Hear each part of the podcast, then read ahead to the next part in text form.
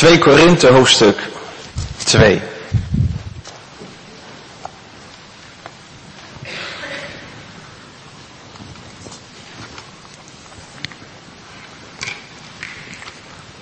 Vanaf vers 12.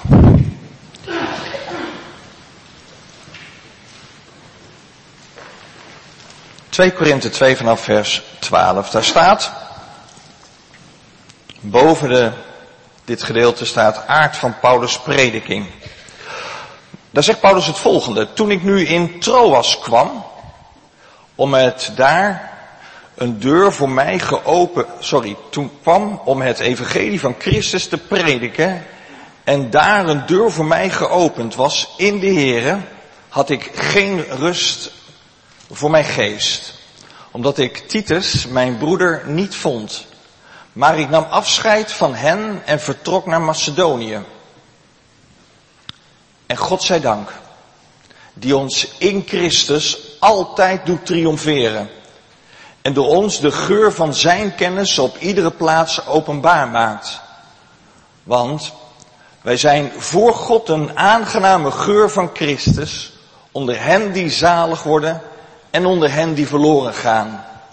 Voor de laatste een doodsgeur die leidt tot de dood. Maar voor de eerste een levensgeur die leidt tot het leven. Maar wie is tot deze dingen bekwaam? Want wij zijn niet als zoveel die handel drijven met het woord van God, maar als in oprechtheid. Maar als vanuit God, voor Gods aangezicht, spreken wij het in Christus. Tot zover dit gedeelte.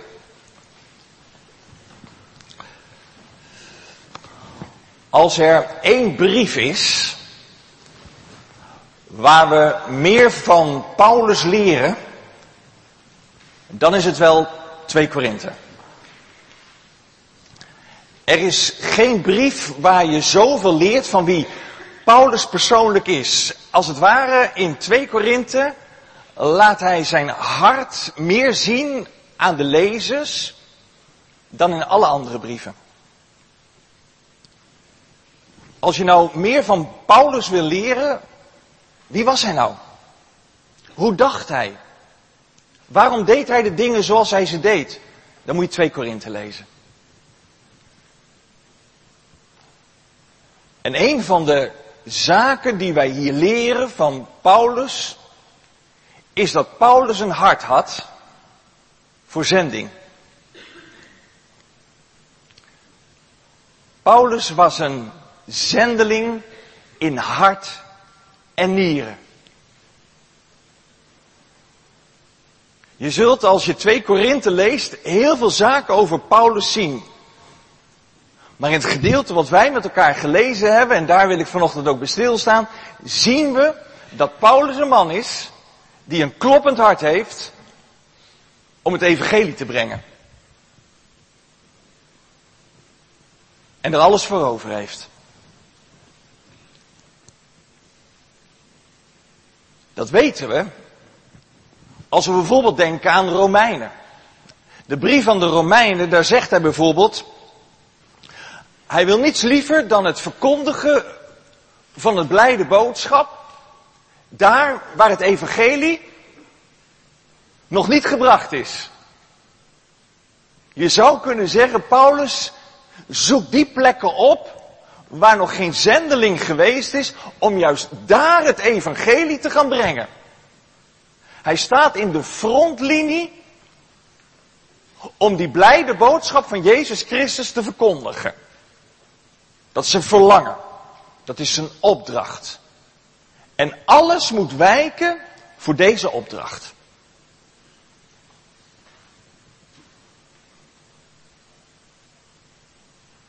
En al 2000 jaar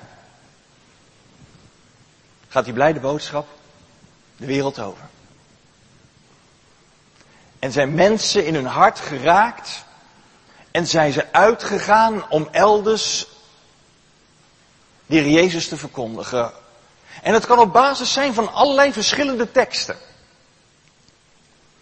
De eerste tekst die bij je binnenkomt misschien wel is uit Matthäus. Matthäus 28. Mij is gegeven alle macht in hemel en op aarde, zegt de Heer Jezus. Ga dan heen, onderwijs al de volken hen dopend in de naam van de Vader, van de Zoon, van de Heilige Geest. Hun lerend alles wat ik u geboden heb. Ga heen de, naar de volkeren en verkondig, onderwijs, discipel, mensen. Nou, de mensen zijn door deze tekst geraakt. Hebben alles achter zich gelaten om elders te gaan leven, te gaan werken en het evangelie te brengen. Je zou ook kunnen denken aan Psalm 96. Zing voor de Here. Loof zijn naam. Breng de boodschap van zijn heil van dag tot dag. Vertel onder de heidevolken van zijn eer. Onder alle volken van zijn wonderen. En mensen hebben deze psalm gehoord. En is diep in hun hart zijn ze getroffen. En ze zijn uitgegaan. De wereld in. Dat wat hun leven totaal had gegrepen. De Heer Jezus Christus en zijn evangelie. Daar hebben ze een brandend, een kloppend hart voor gekregen. En ze zijn gegaan. Je zou ook nog kunnen denken aan Johannes 3, vers 16. Want al zo lief heeft God de wereld gehad. En mensen hebben de liefde van de Heer Jezus. Zijn ze gaan ervaren in hun leven. En ze hebben gedacht, als die liefde voor mij is en het eeuwig heil voor mij is, dan geldt dat voor iedereen. Amen. En ze zijn gegaan. Dan zijn ze gegaan. Het zou ook kunnen zijn dat mensen gegrepen zijn door 2 Korinthe, het gedeelte zoals wij met elkaar gelezen hebben. Als we in vers 14 met elkaar lezen. Ik zal daar straks nog wat een en ander over gaan zeggen. Maar mensen zijn geraakt door deze tekst en door 14b en door ons de geur van zijn kennis op iedere plaats openbaar maakt. Op iedere plaats. En mensen hebben gedacht, op die plaats, dat kan hier zijn. Op die plaats, dat is Nederland. Op die plaats, dat is dit dorp. Maar mensen zijn ook geraakt en ze zijn uitgegaan om waar dan ook het evangelie te brengen. Paulus zit in een lastige situatie hier. En dat lezen we een beetje in de versen 12 en 13. En daar wil ik eerst even bij stilstaan, om even te laten zien, waar zit Paulus? Wat gaat er in hem om? Ik heb al gezegd, het is een brief waarin je het hart van Paulus proeft. En dat zie je ook in de versen 12 en 13. Wat is er aan de hand? Nou, Paulus die heeft 1 Korinthe geschreven. En die 1 Korinthebrief die is bij de gemeente terechtgekomen, maar we weten dat, dat het niet lekker liep tussen de Corinthiërs en Paulus. De relatie tussen Korinthe en Paulus, ja, daar zat wrijving, daar zat schuring, dat ging moeilijk. Paulus is toen weer bij zich geweest. Hij is op bezoek gegaan bij Korinthe, maar dat is een bezoek geworden wat niet het verwachte effect heeft gehad. Hoe weten we dat er een bezoek is geweest? Nou, lees maar met me mee in hoofdstuk 2, vers 1. Dus dit heb ik mij voorgenomen, dat ik niet opnieuw in droefheid naar u toe zou komen. Ah, Paulus is bij ze gekomen om dingen recht te zetten, maar in plaats van dat dingen goed zijn gegaan, is hij weggegaan in droefheid. En hij had gehoopt dat bepaalde rimpels gladgestreken konden worden, maar het is niet gebeurd. Dan gaat de geschiedenis tussen Paulus en Korinthe verder en dan gaat hij een brief schrijven. Niet de 2 Korinthebrief die wij voor ons hier hebben, maar een andere brief. Er zit nog een brief tussen. Die hebben we niet meer. We weten niet precies wat daarin staat. En dat wordt wel de, de tranenbrief genoemd. De traan. Hoe weten we dat? Nou, kijk maar met mij mee in vers 4. 2 Korinthe 2, vers 4. Want in veel verdrukking en benauwdheid van hart heb ik u geschreven. Dat is dus de tranenbrief die hij ooit geschreven heeft. Weer met, met ja, eigenlijk de intentie om de relatie te herstellen. Onder veel tranen. Niet opdat u bedroefd zou worden, maar opdat u de liefde zou leren kennen die ik overvloedig voor u heb. Ik heb onder tranen een brief geschreven, omdat ik zoveel van jullie hou, gemeente. En die brief die is met Titus richting Korinthe gegaan. En Titus heeft geprobeerd, door middel van deze brief een uitleg eraan te geven, heeft hij geprobeerd om, om ja, de een herstelproces in gang te zetten tussen Paulus en de Korinthe. Paulus zit op dat moment in Troas. En Troas, dat is een plaatsje in Noordwest Turkije. En we lezen dan dat, dat hij een mogelijkheid heeft om het evangelie te, delen.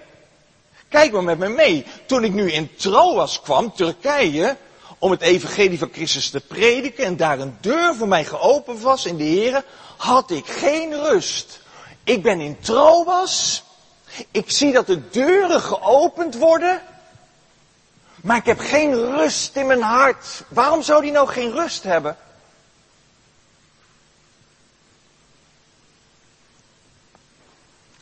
Hij is benieuwd of die tranenbrief die Titus heeft meegenomen richting Korinthe, of het ook geland is. Of, dat, of de problemen zijn opgelost. En daarom is hij onrustig in zijn hart. Ik, heb, ik zie dat de deuren in Troas geopend worden. Ik kan het evangelie brengen, maar ik ben onrustig in mijn hart. Ik heb geen rust. Als het ware, dan ga ik het een beetje mijn eigen woorden zeggen. Hij, hij, hij heeft angst voor dat wat er gebeurt in Korinthe. En hij wil niets liever dan dat zijn dienstknecht Titus naar hem toe komt, dat ze een ontmoeting hebben, zodat hij weet, Titus, vertel eens, hoe is het gegaan, joh? Is het nou allemaal weer goed tussen, tussen de Korinthe? Hebben ze mijn, mijn, mijn boodschap begrepen? Hebben ze mijn liefde begrepen? Hebben ze mijn vermaning begrepen? Is het hersteld, de relatie? En daarom blijft hij niet in Turkije, maar stapt hij over richting, vers 13, Macedonië.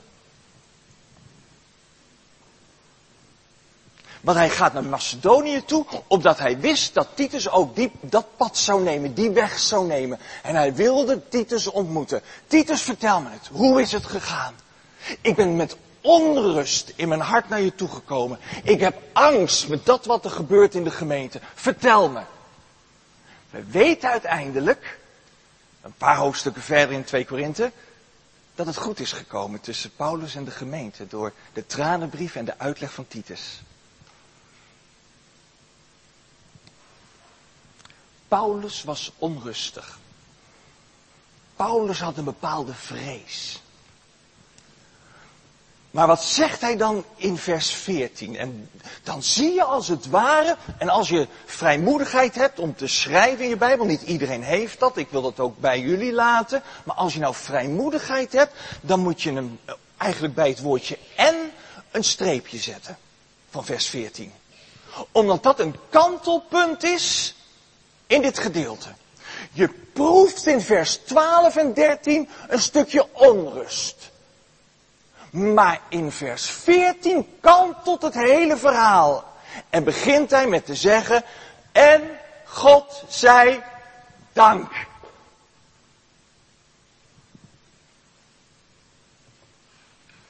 Ik hoef niet onrustig te blijven. Ik hoef niet vol spanning te blijven. Als het ware til de Heere hem hier op. Laat de Heere weer zien wie hij is. En de opdracht die Paulus heeft gekregen. En God zij dank. Geweldig als je dat kan zeggen. Als je dus onrustig bent, angstig bent om een situatie. Maar dat je uiteindelijk kan zeggen, maar God zij dank. Nou, waar dankt hij de Heer dan voor? Lees met me mee, vers 14. En God zij dank, die ons in Christus altijd doet triomferen. En door ons de geur van zijn kennis op iedere plaats openbaar maakt. Ik denk dat er twee kernwoorden zitten in vers 14. Het eerste kernwoord, ik zal het zo meteen verder uitleggen, is triomferen. Dan moet je begrijpen, wat, wat bedoelt hij daar nu mee? En het tweede woord, kernwoord in vers 14 is geur. Geur. Nou, laten we eens kijken naar vers 14. Het eerste kernwoord, triomferen. En God zij dank, die ons in Christus altijd doet triomferen. Wat voor een beeld had hij toen voor ogen? Nou, toen had hij het beeld voor ogen van een Romeinse generaal. En als een Romeinse generaal een overwinning had behaald, dan kwam hij op zijn paard de poort binnen en mocht hij een triomftocht, een overwinningstocht maken door de stad heen. Ik ben de generaal en ik heb overwonnen. Achter hem aan kwamen de manschappen. En daar achteraan de buit en de krijgsgevangenen. Dat is het beeld wat Paulus voor ogen heeft als hij zegt, en God zij dank die ons in Christus altijd doet triomferen. Dit gaan we toepassen. Dit gaan we toepassen. Je kunt nu, als je dit beeld voor ogen hebt van die generaal met zijn manschappen en de krijgsgevangenen, kun je op twee manieren uitleggen. Als eerste, wie is de generaal in dit beeld? De Heer Jezus. De Heer Jezus.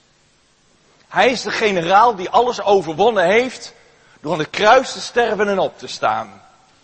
Hij is de grote overwinnaar. Hij is de generaal die voorop gaat. Nu het eerste beeld wat daarop volgt. En wij zijn zijn manschappen. Wij zijn zijn manschappen. Voorwaarts christenstrijders. We zijn het leger des heils. En de generaal gaat voorop en de soldaten gaan achter hem aan. En gaat de generaal linksaf, dan volgen we de generaal. En gaat de generaal rechtsaf, zonder vragen, gaan wij de grote overwinnaar achterna. Dat is een mooi beeld, hè? Ik hoop dat dat ook het, dat dat het kenmerk ook is van ons geloofsleven. Want het kan wel een mooi beeld zijn. Maar is dit nu ook ons leven? Dat we de grote generaal vertrouwen. Hij gaat voorop en wij volgen. Zonder vragen. Gaan we achter hem aan. Het tweede beeld is een veel lastiger beeld. Die ga ik ook uitleggen. De generaal is de Heer Jezus. Maar nu zijn we niet zijn manschappen, maar zijn wij zijn krijgsgevangenen. Dat is een veel minder leuk beeld, hè? Je zou ook kunnen zeggen, want wat werd er meestal met een krijgsgevangene gedaan? Die werden als slaven verkocht. Dus de Heer Jezus is mijn grote generaal, is mijn meester en ik ben zijn slaaf. En ik luister naar wat de meester zegt en wat de meester zegt, dat doe ik. Het woordje wat wel gebruikt wordt voor slaaf in het Nieuwe Testament is het woordje doulos. Dat wordt heel veel vertaald met het woordje dienstknecht. Maar als je het echt, de eerste vertaling die, je, die eigenlijk het best aansluit bij het woordje doulos is, slaaf.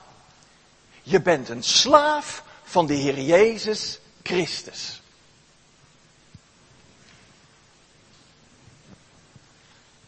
Als je denkt aan het leven van Paulus, is de grote generaal op een gegeven moment bij, bij Paulus gekomen, richting Damascus. En, en, Paulus die, die werd blind en, en dan, krijgt, dan komt er een engel bij Ananias. En dan zegt de engel van, joh, je moet naar die Paulus toe gaan. Ja, zegt Ananias, dat is leuk en aardig, maar daar zit ik echt niet op te wachten, want dat is de vervolger van de gemeente. En dan zegt, dan zegt de, de, de engel tegen, tegen Ananias het volgende. Ga, want deze is voor mij een uitverkoren instrument om mijn naam te brengen naar de heidenen en de koningen en de Israëlieten. Want ik zal hem laten zien hoeveel hij moet lijden voor mijn naam. Deze Paulus, die een vervolger was, werd een slaaf van de Heer Jezus. Werd een dienstknecht van de grote generaal. Deze Paulus was vol spanning. Was vol angst. Hoe zou het nu met de gemeente gaan? En dan slaat het vers om. En God zij dank. Die ons in Christus altijd doet triomferen. Waar gaat zijn hart sneller van kloppen? Van die grote generaal. Die hij mag volgen als een soldaat. Die hij mag volgen als een slaaf.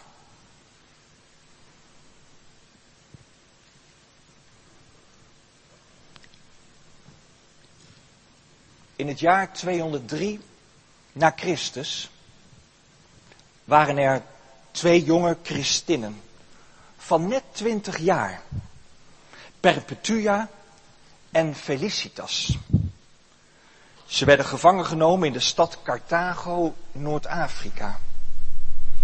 Ze zouden worden gedood. Perpetua kwam uit een rijke familie en had een zoontje van anderhalf jaar. Vader kwam naar zijn dochter en smeekte haar om het geloof af te zweren en terug te keren naar haar zoontje. Ze deed het niet. Felicitas was in verwachting. En ze mocht nog bevallen in de gevangenis.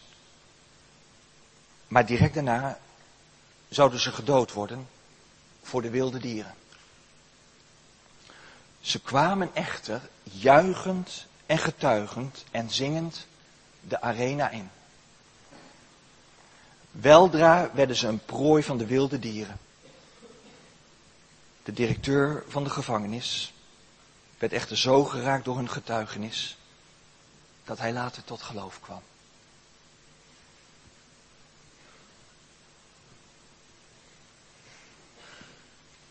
Broeder, zuster. Willen wij de generaal nou echt volgen?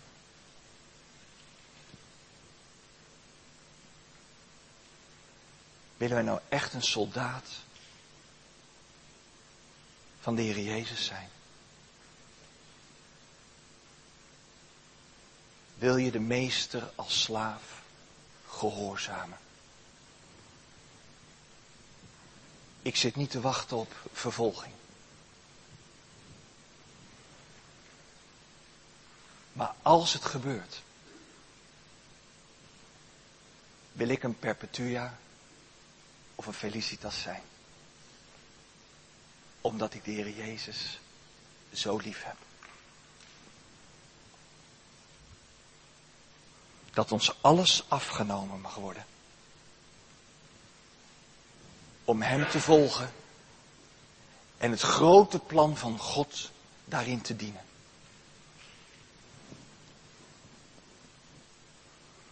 Deze twee zusters in het geloof wilden dat doen. En waren daarbij een geur van Christus. Want door hun daad werd een directeur van de arena, en dat is, om even duidelijk, dat is niet de arena in Amsterdam. Maar werd een directeur van de arena gered voor de eeuwigheid.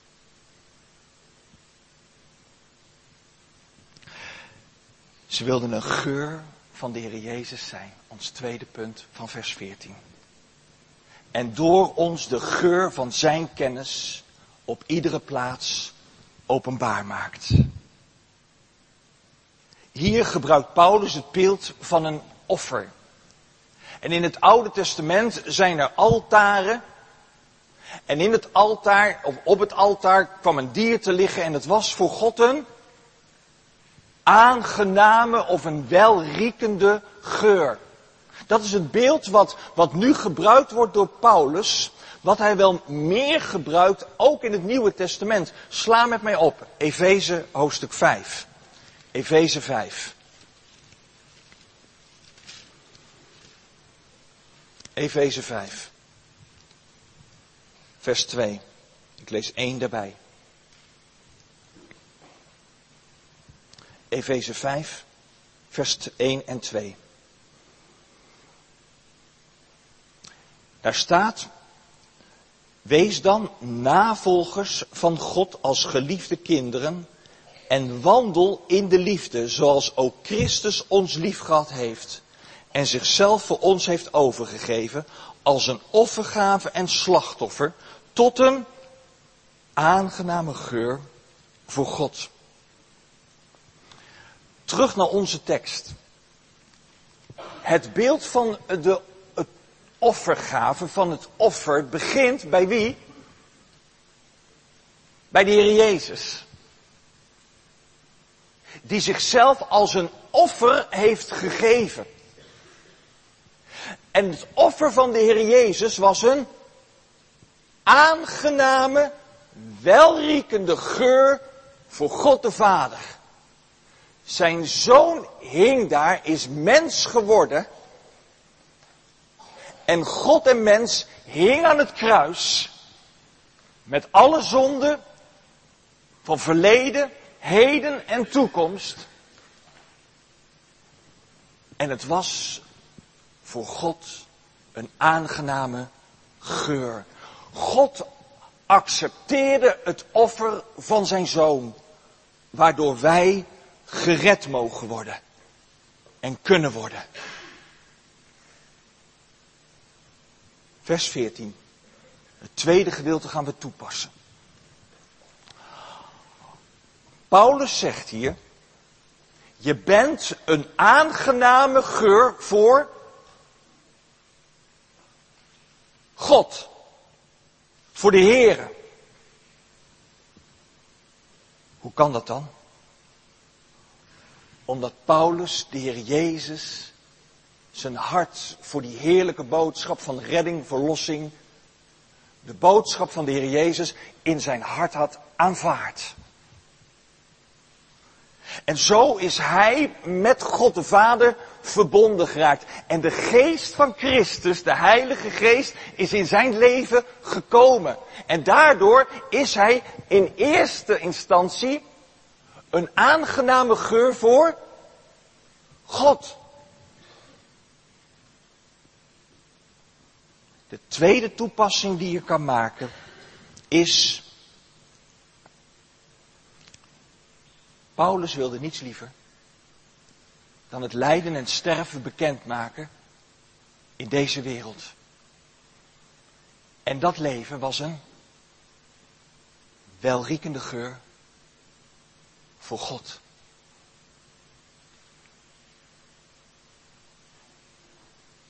Broeder, zuster. Is jou, is uw leven een aangename geur? Ten eerste voor God. Is de geest van Christus, de Heilige Geest, nou daadwerkelijk in je? En ken je Hem als je leidsman in jouw leven? Ken je Hem als redder? Maar ken je Hem nu ook als Heer van jouw leven? En heeft Hij volledige zeggenschap over heel je bestaan? Paulus leefde op deze manier. Niets meer voor zichzelf. Alles heeft hij prijsgegeven om de geur van Christus als een aangename geur te laten opstijgen naar God toe. Hier is mijn leven. Ik hou niets achter. Het is allemaal van u. Want ik wil u eren, ik wil u dienen en ik wil u bekendmaken in deze wereld.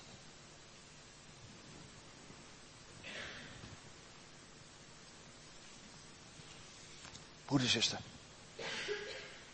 Lieve mensen. Is dit je leven? Ben je een aangename geur voor God? Lees met me verder. Want wij zijn, vers 15, want wij zijn voor God een aangename geur van Christus. Onder hen die zalig worden en onder hen die verloren gaan. Voor de laatsten een doodsgeur, die leidt tot de dood. Maar voor de eersten een levensgeur, die leidt tot het leven. Paulus zegt, als dat je leven is, dat je, een, dat je de generaal in alles wil volgen, de triomftocht in deze wereld met hem maakt. Als je een aangename geur voor God bent, dan gaat er wat in je leven gebeuren. Dan ga je wat zien in je leven. Wat ga je zien? Nou, deze geur splijt als het ware je wereld in tweeën.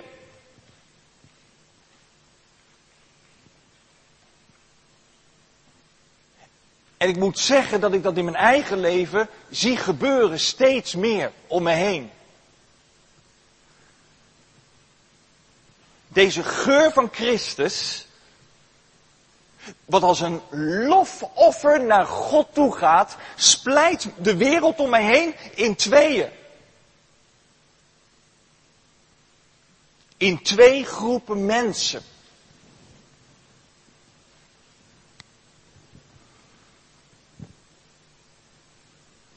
Sommige mensen die de geur van Christus ruiken door mijn leven heen, ruikt voor die mensen als de dood. Ze horen het evangelie, maar ze horen de dood. Ze ruiken het kruis, maar het is voor hen dood. Ze zien het evangelie, maar in plaats van het leven te zien, zien ze daarin de dood. Voor hun is er geen hoop als ze het ruiken. Voor hen is het geen toekomst. Voor hen is het geen vreugde. En ze keren zich af van de geur van Christus. En het leidt hun houding leidt tot de dood. Ze zien Christus niet als kostbaar. Ze zien zijn lijden niet als waardevol. Het is voor hen geen zoetige geur, maar het is voor hen de geur van de dood. En broeder, zuster, ik zeg dit met pijn in mijn hart. Ik kan wel zeggen met verdriet in mijn hart. Omdat het ook bij mij, en dat zal bij jullie niet anders zijn, denk ik, dwars door familie, gezin en vrienden heen gaat.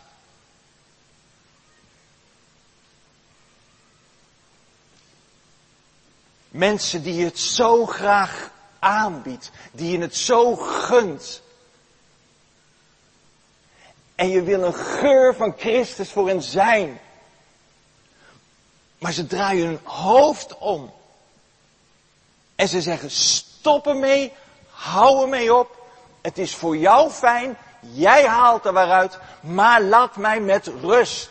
En misschien dat ik hier er dan bij moet zeggen, laat mij gewoon in de traditie voorthobbelen. zonder de Heer Jezus Christus te kennen. Dat moet je hart toch raken, broeder, zuster.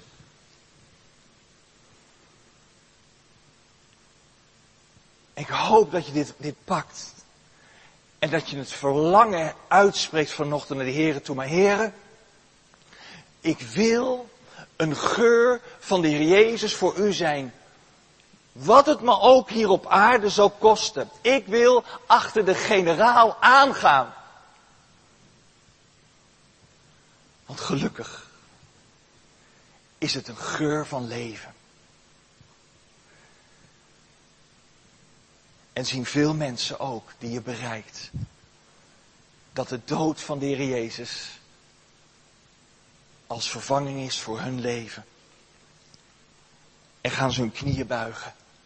En de Heer Jezus Christus erkennen. Ze draaien zich gelukkig niet af van die geur. Ze draaien zich niet af van het geloof. Maar ze beginnen het op te snuiven. En het begint hun hart te raken. En het begint hun hart week te maken. Om uiteindelijk tot, die, tot dat moment te komen dat ze hun knieën zullen buigen. En het mag ons verheugen. Dat het tot de dag van vandaag nog steeds gebeurt.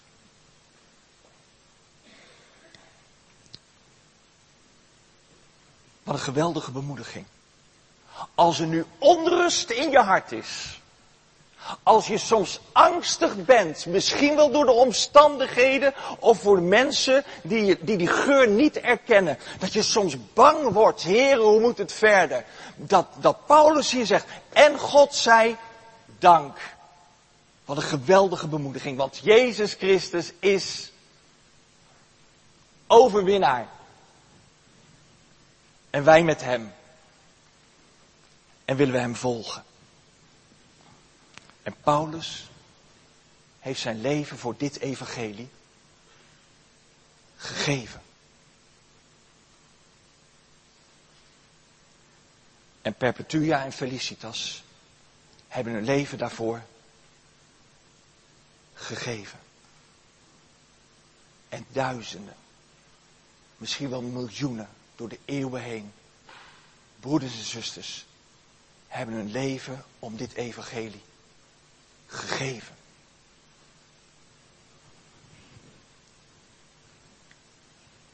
Jim Elliot en vier andere zendelingen hebben het verlangen om een onbereikte indianenstam met het evangelie te bereiken. De Auca-indianen. Dit deden ze door regelmatig met een vliegtuig over te vliegen. En door de indianenstam met een mand met cadeaus dan te geven. Na een aantal maanden bouwden zij een kleine kamp in de buurt van, het, van de Indianenstam en begonnen langzaam contact te maken. Maar op 8 januari 1956 worden de vijf zendelingen aangevallen door de Indianen en vermoord. Elizabeth Elliot blijft achter met een dochtertje van nog geen jaar oud. Het kruis is een levensgroot symbool geworden in haar leven. Maar niet alleen als teken van pijn en lijden, ook van de wonderlijke liefde die daaruit ontbloeien kan. Alsnog, alsnog gaat zij later bij diezelfde indianenstam wonen. Die hun fout toegeven en inzien en zich bekeren tot de Heer Jezus Christus. Het kruis werd voor Elisabeth de plaats om kracht te vinden voor zoveel zelfverloochening. En voortaan diep te buigen onder welke moeilijkheid dan ook. Ze zegt het volgende. Als ik zo mooi en lief ben, wat deed Jezus daar dan, hangend aan een kruis met een doornenkroon op? Waarom dat afschuwelijke lijden voor de zondeloze zoon van God? Hierom. Er was geen andere weg om ons te verlossen van de hel. Van ons eigen trotse ik vol zelfliefde. Geen andere uitweg uit de slavernij van zelfmedelijden en zelfverheerlijking.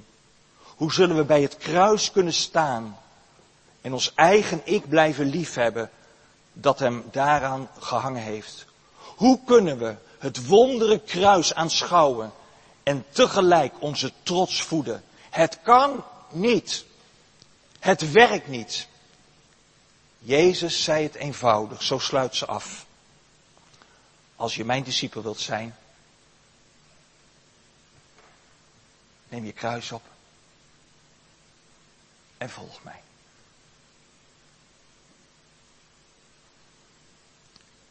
Broeders zusters, waar God je ook plaatst,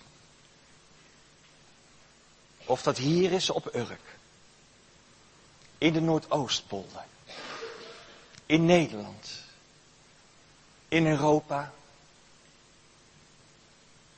of in de wereld. Ben je nou echt bereid om de Jezus te volgen?